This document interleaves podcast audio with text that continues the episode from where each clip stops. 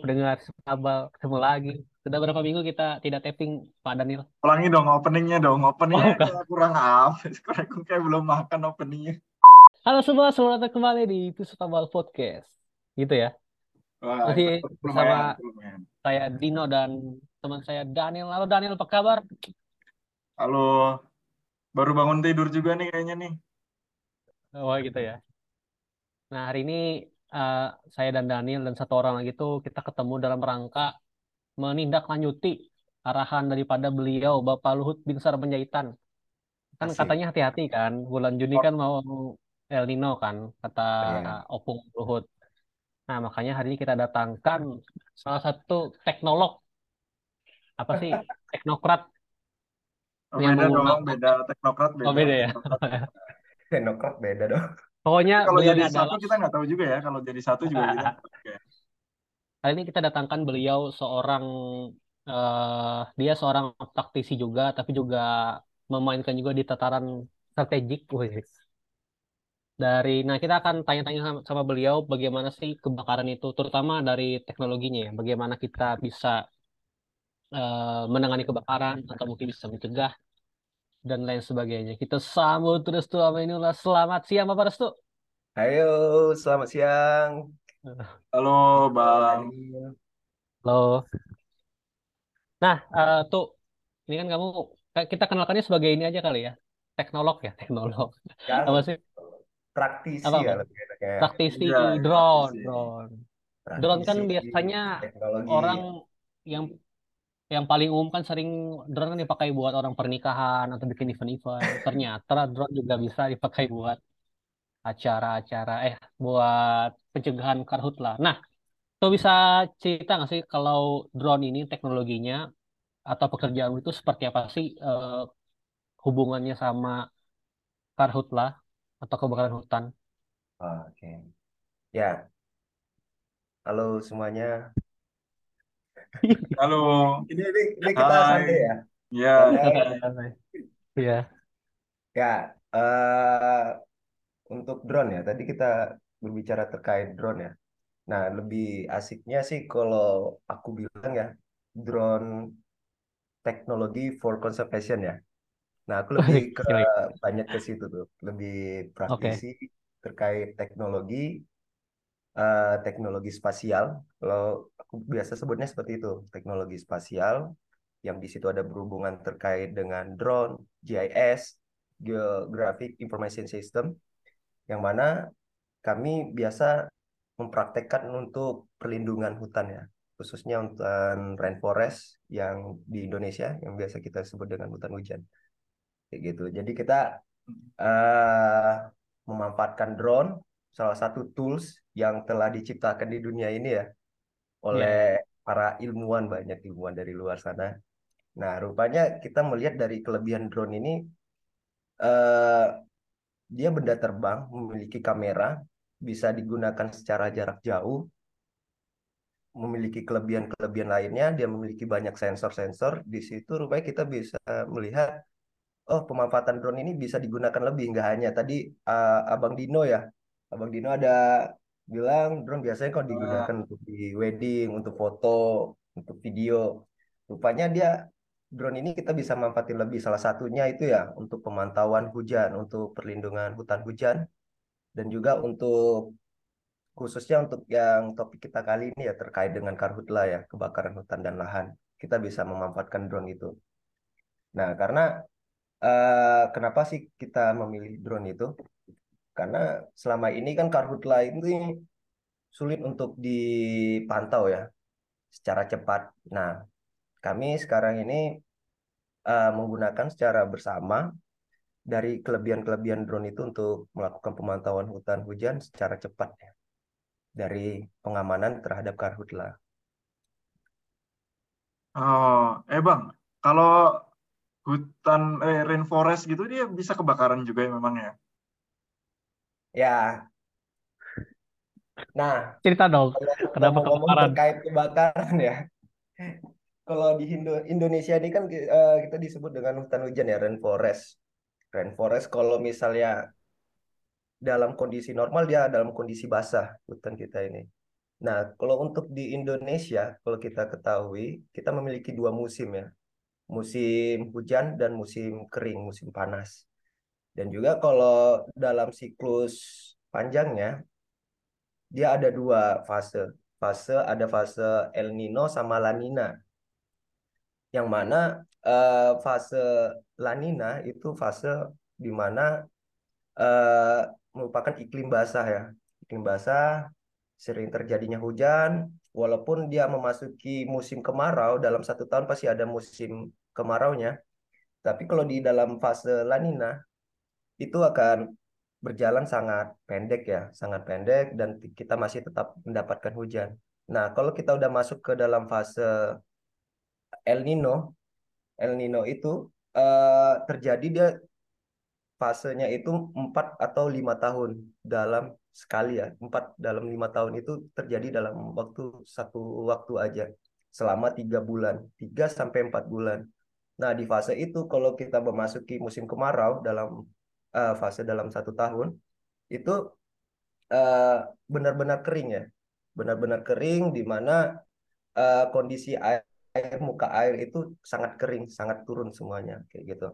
Nah, di mana kalau ancaman terhadap hutan hujan ya, hutan hujan itu kalau di fase El Nino itu sangat berbahaya dan kita sama-sama ketahui yang hutan hujan yang kita uh, bayangkan yang benar-benar basah tapi sekarang ini benar-benar tidak aman gitu uh, kalau saya sebut ya karena uh, kondisi saat ini hutan hujan itu ya kita sama-sama ketahui banyak terjadi kerusakan-kerusakan kerusakan-kerusakan ekosistem dari hutan hujan itu yang menyebabkan hutan hujan itu pada saat menjalani fase El Nino itu sangat berbahaya dan sangat rentan untuk terjadi kebakaran.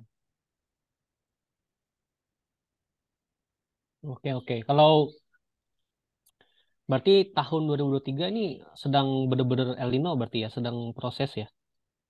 Ya, Nah, uh, itu kemarin itu ya gimana? jadi kalau kalau kalau di El Nino ini uh, dari teknologi drone-nya seperti apa itu, Mas?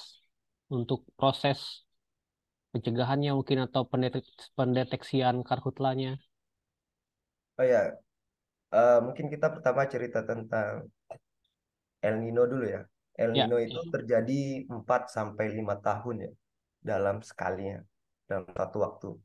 El Nino yang memiliki dampak besar ya kita belajar dari sejarah itu di tahun 2015 itu Hmm. Kalimantan dan Sumatera itu terbakar hebat karena memasuki fase El Nino. Itu Indonesia benar-benar kering dan juga uh, di mana hutan hujan kondisi hutan hujan pada saat itu dan sampai saat ini itu dalam kondisi sangat rusak sekali karena adanya pembakaran lahan, terjadi deforestasi dan degradasi. Deforestasi itu kayak pembukaan lahan, eh, lalu adanya pembukaan-pembukaan kanal, kanal-kanal di Hmm. hutan hujan, salah satunya di kawasan bergambut, itu sangat berbahaya, sangat eh, rentan untuk terjadinya kekeringan ya. Dan juga terjadinya degradasi, degradasi alih fungsi lahan dari yang mana ya dulu hutan menjadi alih fungsi ke sawit, HTI dan lain-lain yang tidak mengikuti aturan tata lingkungan ya, tata-tata lingkungan Indonesia. Nah, terjadi lagi El Nino. Nah, dan di 2015 itu karena adanya deforestasi dan degradasi terjadilah kebakaran hutan ya. Kebakaran hutan yang sangat hebat di mana kondisi kemarin itu uh, hutan sangat kering, Indonesia sangat kering, jadi gampang sekali untuk terjadi penyebaran api ya. Kita menyulut api, api cepat dan sulit terkendali ya. Di samping kita ngomongkan sistem bagaimana untuk penjagaan kawasannya. Lalu terjadi lagi di 2019. 2019 masuk ke fase El Nino lagi. Kan tadi 4 tahun sampai 5 tahun. Masuk dia 4 tahun rupanya fase untuk di tahun 2019. Terjadi lagi kebakaran uh, kebakaran cukup hebat juga di Riau dan di Kalimantan itu terjadi lagi. Memang sangat rentan di situ terjadi deforestasi dan degradasi yang hebat juga. Nah, prediksi kemarin itu saya lihat dari laporan dari BMKG pada saat kemarin di Kalimantan, salah satu di Kalimantan, provinsi di Kalimantan menyusun untuk penanganan karhutla ya, mereka menyusun uh, rencana kontingensi untuk kebakaran hutan dan lahan. Jadi berdasarkan dari laporan BMKG, kemungkinan terbesar uh, untuk fase El Nino itu masuk di tahun ini, tahun 2023 ini. Hmm.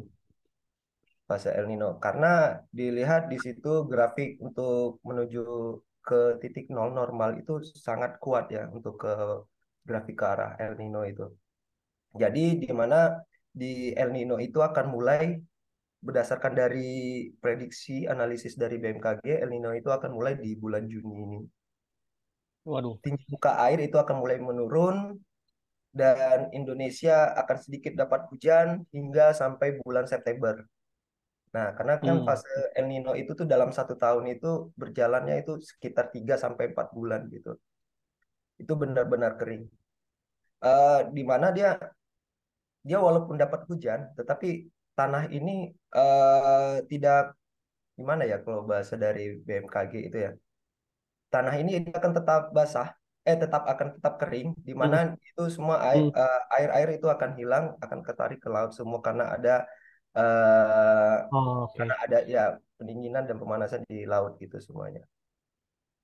Seperti oh. itu. Nah, ngeri, jadi, ngeri juga ya El Nino ini ya. Ya, ngeri sekali itu uh, Mas Daniel. Karena sebenarnya ya El Nino ini nggak ngeri-ngeri kali ya kalau kita ngeri-ngeri sedap gitu ya. Iya ngeri-ngeri sedap. Kalau dilihat dari kondisi ekosistem Indonesia ya, yang kita memiliki hutan ya, sebenarnya nggak ngeri-ngeri sedap. Sebenarnya nggak ngeri-ngeri sedap gitu ya. Sebenarnya itu oh. fase yang biasa aja yang nenek moyang kita juga orang-orang Indonesia dahulu lewati ya. Lalui kayak gitu. Di mana hmm. kalau dari BMKG, walaupun kita El Nino kita pasti nanti akan ada dapat hujan juga. Hmm. Tampungan air kita itu sebenarnya ada saja kayak sungai, dari sungai, dari sumber-sumber mata air. Memang ada beberapa daerah yang berdampak yang benar-benar sangat kering sekali kayak gitu kering sekali sampai kesusahan di air. Tetapi kan kalau untuk uh, manajemen menghadapi El Nino sebenarnya dari orang-orang terdahulu itu semua sudah melewatinya. Nah, yang dikhawatirkan adalah yang kalau pada saat kemarau itu, misalkan kita membuat api itu gampang terbakar.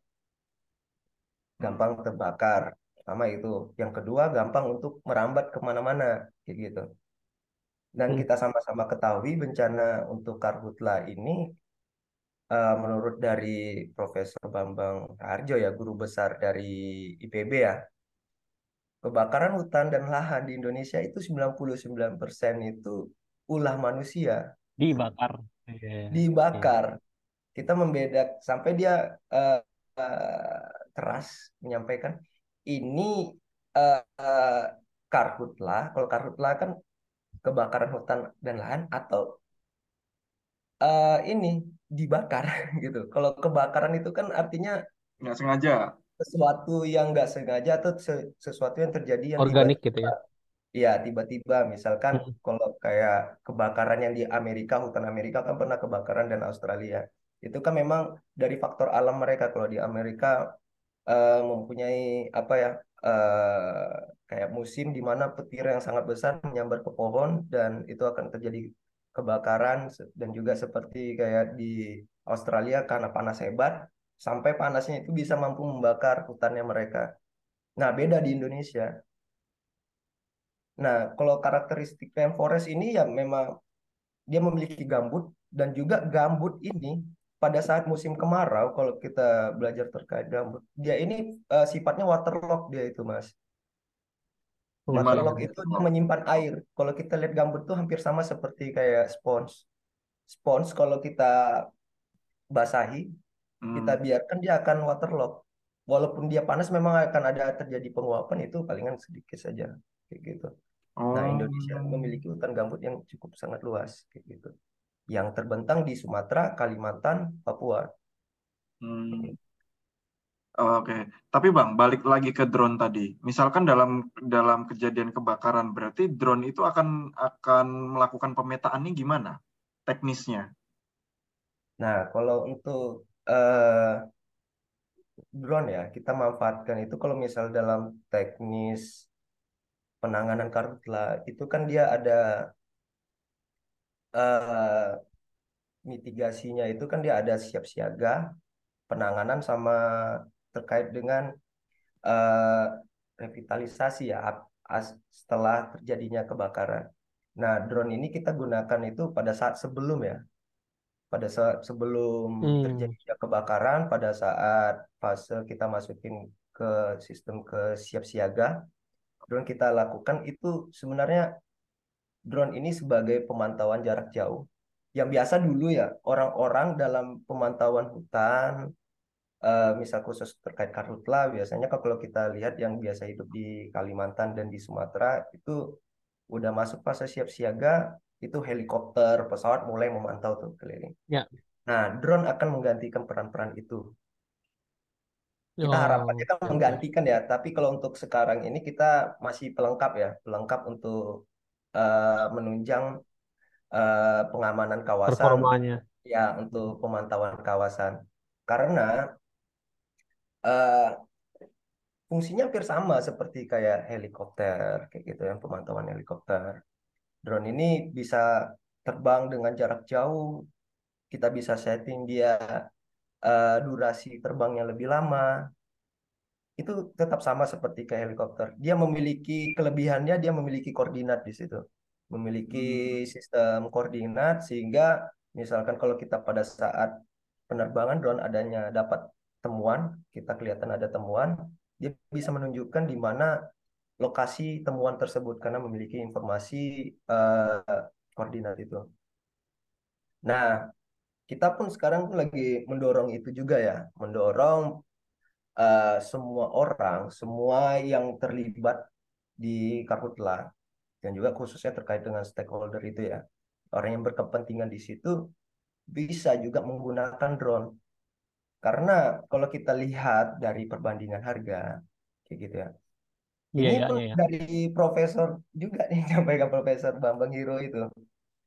Karena beliau menyampaikan, karena penggunaan eh, anggaran budget dalam penggunaan helikopter yang kita tahu ya helikopter pesawat TMC yang pesawat untuk buat apa eh, hujan-hujan buatan itu Yang itu bawa air itu ya. sangat besar kosnya sangat besar sangat besar untuk mengoperasikan itu kenapa kita nggak menggunakan drone sekarang udah ada teknologi yang jauh lebih murah jauh lebih praktis dan jauh lebih cepat juga karena nggak melibatkan Hmm. banyak orang.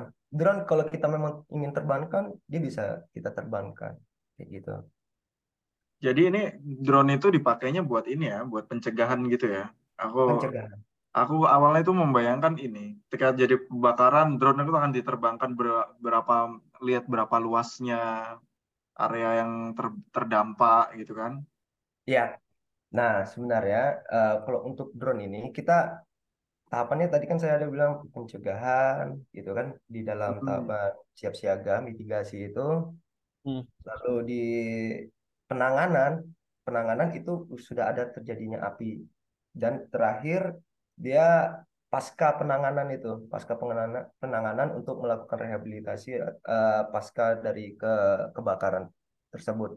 Nah, kalau di apa di fase siaga dia ini sebagai peringatan dini ya kalau kita biasa bilang tuh kan kayak seperti alert sebagai Hmm. penanda bahwasannya dia ini melakukan pemantauan drone ini akan bisa mengeluarkan beberapa data seperti kayak koordinat, foto, Hmm. video dan data-data lainnya ya karena dia memiliki ba- eh, banyak sensor. Nah, data-data drone ini sebagai penilaian bahwasannya daerah sini masuk nggak ke dalam daerah tingkat kerawanan tinggi ya. Ini apakah Hmm. rawan karhutla atau tidak? Kar- kerawanan karhutla itu kan banyak tuh eh, parameter untuk eh, untuk menghitung bahwasan daerah situ mem- memiliki tingkat kerawanan tinggi. Misalnya dari bukaan lahannya, tingkat kekeringannya, aktivitas manusianya, kayak gitu. Nah, itu kita bisa Hmm. lihat dari drone itu. Sehingga dia ini fungsinya sebagai alert system, sistem peringatan dini ya. Nah, karena kalau kita be- eh, penanganan karhutla itu kita bekerjanya sebenarnya yang paling benar itu sebelum bukan pada saat sudah terjadi. Ya. Sebelum terjadi karhutla itu kita bekerjanya di Iya, situ eh, kita berupaya bahwasanya biar tidak ada terjadi aktivitas apa pun yang menyebabkan itu terjadinya api. Karena kita tadi sepakat ya, kalau kebakaran itu ya memang untuk berdasarkan dari manusia, manusia yang disengaja ataupun maupun manusia yang tidak sengaja kayak gitu. Nah, itu tadi. Lalu eh, kedua, pada saat misalnya nih kita kebobolan, artinya kan kita bisa bilang ini kebobolan, misal terjadinya api. Para apa praktisi, para pihak yang penanganan api, misalnya terjadinya api kebakaran, berarti ini kita kebobolan. Ada kebobolan. Nah, terjadinya kebakaran. Pada saat terjadinya kebakaran, seluruh lini seluruh sistem itu akan melakukan penanganan pemadaman, melakukan pemadaman terhadap api yang muncul itu. Dia akan menghambat menghambat api dan berupaya untuk mematikan kalau memang bisa untuk dimatikan. Nah, fungsi drone ini dia akan membantu untuk melihat bagaimana sih polanya api, pola penyebarannya api. Dia akan bisa melakukan pemanta- eh, pemetaan dan pemantauan. Kalau eh, pemantauan, dia akan melihat pergerakan api ini arah ke mana, titik api ini di mana, dan juga eh, luasan api ini seberapa luas.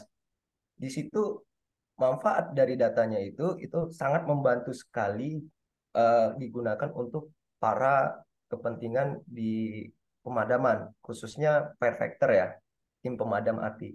Tim pema- pemadam api itu dia ini sangat membutuhkan data atau informasi terkait pertama lokasi, luasan api, lalu arah eh, kepala api. Karena kalau karhutla itu dia memiliki kepala api. Kepala api ini eh, api yang akan menjalar lebih luas lagi. Dia yang akan membawa api itu Oke. ke mana-mana. Hmm, hmm. Gitu.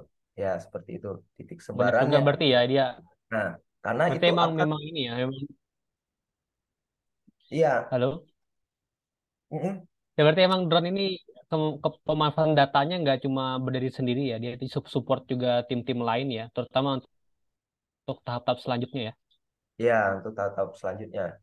Dan juga eh, data ini eh, dari tim Fairfactor itu dia akan bisa memperkirakan berapa personil yang harus diturunkan di Ah, lokasi tersebut. Karena itu sangat hmm, berpengaruh ya. Kalau kita belajar dari tahun 2019 di hmm, Kalimantan, api ini sangat banyak tersebar gitu. Ada di lo kita bisa bilang kayak gini, ada di lokasi A, lokasi B, sama lokasi C. Ada tiga titik. Karena kurangnya informasi, orang eh, orang-orang dulu taunya titik apinya tuh di titik A saja gitu. Jadi seluruh Hmm. lini, seluruh kompi, seluruh ah, fire factor menyerang ke api A. Mereka mengamankan api A, memadamkan api A, kayak gitu. Padahal mereka nggak tahu nih di titik B sama C ini ada titik api juga sama. gitu yang akan menyebar. Jadi eh, gimana ya untuk manajemen penanganannya agak kurang. Jadi kita kejar-kejaran sama api yang di di sini udah padam rupanya di sana masih ada kayak gitu. Hmm, hmm, hmm. Nah, di situlah fungsi-fungsi drone di situ, fungsi-fungsi drone untuk membantu dan melengkapi pemantauan dari eh, penggunaan helikopter itu. Nah, Karena kan kalau kalau heli- Hmm? kalau sama satelit sendiri itu apakah fungsi drone itu tumpang tindih atau saling melengkapi tuh? Sama melengkapi. satelit melengkapi ya? Gimana tuh? Ya, kalau untuk dari kayak fungsi satelit ya, eh Bang Dino ya, satelit ini kita bisa lihat memantau setiap hari ya. Nah, Hmm, biasanya untuk pergerakan hotspot itu eh, kita biasa gunakan ya di mana pun eh, instansinya, kita biasa menggunakan eh, dari citra satelit Terra Aqua Modis ya. Terra Aqua hmm. Modis itu yang dikeluarkan oleh NASA ya. Terra Aqua Modis sama FIRST, data FIRST. Nah, kalau untuk di Indonesia kayak dari pemerintah menggunakan 8, data 8 Ya, ya, ya. Data dari 8. Walaupun mereka ada juga menggunakan dari data Modis juga yang bisa kita lihat di data pemerintah itu terkait hotspot di Sipongi ya. Sipongi yang dikeluarkan oleh KLHK. Nah, untuk data hotspot ini ya, dia ini akan mengeluarkan data berupa titik-titik panas, sebaran titik panas yang memiliki tingkat persentase confidence ya kalau biasa kita bilang tingkat kepercayaan dari 0 sampai 100 kayak gitu. 0 sampai 100 dan kalau misalnya sesuai dengan aturan KLHK drop confidence 80% sampai 100% itu pasti api dan terjadi kebakaran. Sayangnya uh, walaupun data ini bisa kita gunakan sebagai peringatan dini bisa kita gunakan sebagai peringatan dini bisa cuman untuk penanganan cepat itu tidak bisa walaupun datanya dikeluarkan setiap hari satelit data satelit hotspot ini dia dalam satu hari itu dia mengeluarkan data sebanyak dua kali di pagi pukul 11 hmm. dan di sore itu kadang di pukul 5 sampai jam 7 malam ya. Makanya dia ada, dua data, data pagi sama data sore atau malam kayak gitu.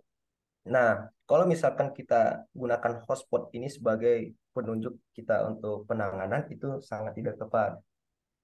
Karena misalkan uh, satelit itu kan mengeluarkan pagi sama sore, pagi jam 11.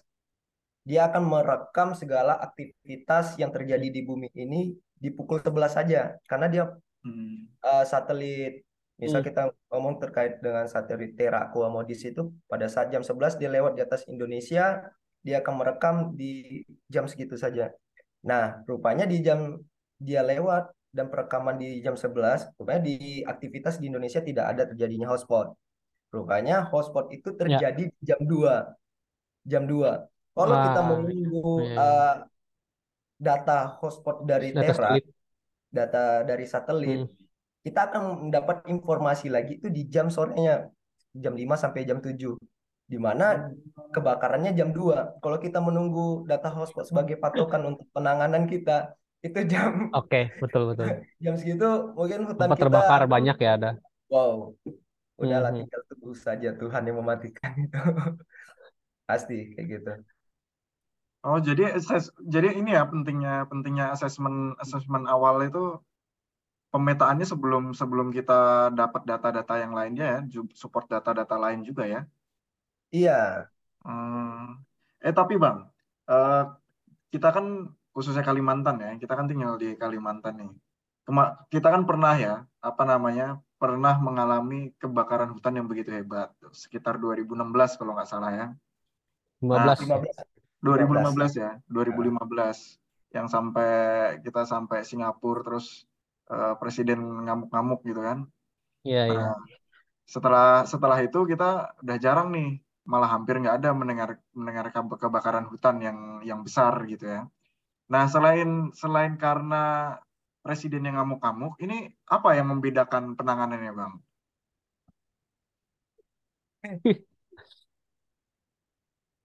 Maksudnya apa gimana? waktu itu itu bisa besar terus sekarang ini bisa jadi bisa jadi hampir nggak ada ya, hampir nggak ada berita ya, soal itu. Karena sangat berefek ya, karena langsung seperti ya, ya benar ya, banget. Kan kalau semua lini gitu kan beberapa kayak stakeholder kita, karena kalau mungkin pada saat sebenarnya bukan kita bilang ngamuk-ngamuk ya ketegasan presiden ya. Oh ya. Iya iya. iya. Presiden. Aku sih aku sih mau menca mau membahasakan itu cuma emosiku mungkin terganggu. Iya. Jadi presiden itu mungkin pada saat itu dia mau ultimatum bahwasanya kerja kalian ini dipantau loh. Hmm. Kalau kalian ah. nggak uh, kerja, ini menjadi raport buruk bagi kalian nih, bagi Sumatera dan Kalimantan.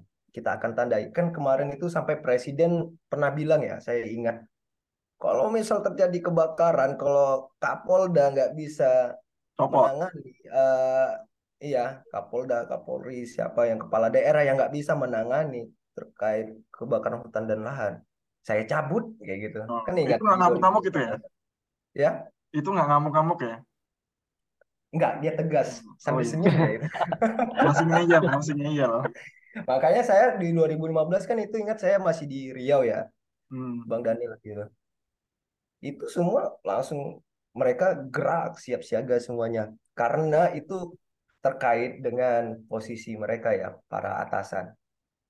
Semua akan bergerak, mereka semua melakukan investigasi di mana-mana kenapa terjadinya karhutlah. gitu. Ya kadang namanya bekerja ya seperti ada orang pernah bilang juga kan bekerja itu sebaik-baiknya bekerja itu adalah pekerja yang dipantau ya. Karena apa? Kalau merasa dipantau di ultimatum pasti semua lini akan bekerja bekerja dengan baik. Mhm. Mm-mm. Sebenarnya kalau dari kebakaran hutan dan lahan ini yang paling ditakuti itu ya benar ya tadi itu kan sampai ke Singapura dampaknya, sampai ke Malaysia, sampai ke negara lain. Dari kebakaran hutan ini yang paling berbahaya itu ya selain kebakarannya itu hasil dari kebakaran itu yaitu Nah, betul. asapnya ya yang biasa kita bilang jerebu itu yang bahaya. Itu yang bencana yang sangat sulit lah untuk ditangani ya. Ke- kalau kebakaran kalau ada api kita bisa matikan, tetapi asapnya itu dan juga Hmm. kalau kebakaran ini ya yang paling sulit dideteksi itu ya penyebarannya itu adalah kebakaran yang terjadi di bawah gambut. Nah, itu yang Ya. agak untuk di gambut ya. Kalau di Mhm. atas kita masih bisa terlihat oleh mata, di bawah gambut itu yang sulit kita Hmm. deteksi. Tapi dia menjalar terus. Kalau kita lihat nggak ada api, cuman asap-asap aja gitu kan. Mhm. Asap-asap dia mengeluarkan asap banyak. Nah, itu yang paling berbahaya. Nah, kalau untuk kebakaran, dampaknya palingan kita kehilangan ekosistem ya. Ekosistem gambut, hutan gambut, ekosistem tempat satwa. Mungkin dampak-dampak yang paling terasa sebenarnya kalau yang paling menjerit itu adalah satwa ya. Hmm. Dia kejar-kejaran terhadap api. Manusia kita tinggal di kota gitu. Palingan berdampak dengan manusia yang di desa paling sedikit ya. Sedikit. Nah, lalu dampak yang kedua adalah asap. Nah, kalau ada asap dampak dari asap ini ya semua orang pasti merasakan. Orang bakal tahu kebakaran kalau udah kena asap ya. Aduh, asap kayak Ya. gini, napas kayak gini, bahaya karhutla kayak gini. Nah, di situ yang paling banyak terdampak ya. Salah satunya adalah eh, pen- eh, yang terjadi adalah ISPA, gitu kan. ISPA yang bisa sangat dekat sama kita, misalkan kalau ada terjadi bencana asap, gitu, karhutla dan asap itu, ini sangat berbahaya. Iya, iya. Eh, banyak ya, maksudnya kalau aku sendiri sih ini banyak banget informasi baru ya untuk untuk ter- terkait terkait kebakaran ya. Karena dulu aku cuma tahunya kebakaran hutan itu kalau kalau udah nyampe Singapura kita ribut aja. Kalau belum ya kan kalau belum nyampe Iya, Singapura iya. kita belum ribut gitu kan. Kan kayak gitu. Ya, Ya. Hmm. Hmm. Terus aku Hmm. pernah dengar juga nih, eh, gimana cara mencegah kebakaran hutan ya habisi dulu hutannya kan nggak akan ada kebakaran. Tapi itu kata-kata oligarki ya, jangan jangan Iya. gitu. Bang Restu, terima kasih banyak ilmunya. ya, Ini ini buatku aja ini informasi baru ya. Ter- tentu buat pendengar filsuf awal ini juga informasi-informasi baru. Eh, nggak tahu kalau buat Bung Dino kayaknya ini juga sebagai seorang eh, filsuf dia juga Waduh, waduh. Udah kayaknya udah banyak ngerti juga soal ini. Nggak, nggak. Oke, Tetap, tetap banyak informasi baru. Oh ya, ini sebelum kita penutupan, apa? Bang Restu bisa dikontak di mana aja nih? Siapa tahu ada teman-teman yang mau Oh tanya ya, lagi kan. siapa Jadi, tahu Moon, BNPB Moon Gallery, BNPB Moon Gallery. BNPB Iya, iya. newbie itu juga mau belajar sama Iya. boleh, boleh kita gabung-gabung, nongkrong-nongkrong, nongkrong bareng, ngopi bareng. Saya juga hobi ngopi ya. Instagramnya Iya, bang, iya. Instagramnya kalau ngopi dari Bali juga kejauhan ya bang. Kalau Instagram bisa ini bisa dikontak ke Instagram @aminulorestu ya. Amin lo restu. Ah, Aminulorestu. oke. Yang satunya lagi nggak dipromosiin, Bang Restu. Ya, ya Yang satunya lagi. boleh di sini dipromosin. Boleh, boleh, boleh. Silakan, silakan. Ya, di samping itu juga saya ada sampingan juga, sampingan tapi serius. Ya, saya mulai kalau sekarang ini lagi aktivitas lain praktisi dan pengamat lingkungan ya. Asik. juga melakukan bisnis juga, Hmm, bisnis hijau. Lingkungan ya, bisnis lingkungan Ya, ya. masih berkaitan dengan eh, lingkungan. Kita menghasilkan produk-produk green hijau ya, yang dari segi untuk homeware dan juga fashion itu bisa eh, lihat di Instagramnya @munat unders- eh, underscore galeri. Itu bisa Munat Galeri ya di Instagramnya. Itu bisa lihat sama-sama di sini. Nah, oke, jadi mantap. eh, hasil dari keuntungannya itu berapa persen, 5% itu akan didonasikan juga ke lingkungan. Oligarki. kita Oh, bukan, oligarki bukan ya. ya walaupun ada misinya juga di situ kita semuanya itu produk pun art gallery itu kita sama-sama kita buat bersama masyarakat ya. Kita melakukan people empowerment untuk masyarakat-masyarakat khususnya di Kalimantan ya. Untuk peningkatan ya kita Hmm. eh, optimisnya untuk peningkatan pendapatan baru ya dari mereka pendapatan sampingan. Jadi jadi podcast ini tuh selain selain kita menindaklanjuti imbauan dari Lord Luhut, ini juga menindaklanjuti imbauan dari eh, Sandiaga Uno. Oh, ya langsung dua asli. kementerian langsung ya. Maju maju terus Ya, UMKM. Jadi ini Iya, kita iya. sebenarnya teman-teman pemerintah, bukan bukan anti pemerintah gitu. Asli. Iya, kita bestie dong pemerintah. sama pemerintah. Oke, terima kasih semuanya ya. Kita akan jumpa lagi di episode selanjutnya. Terima kasih. Terima kasih.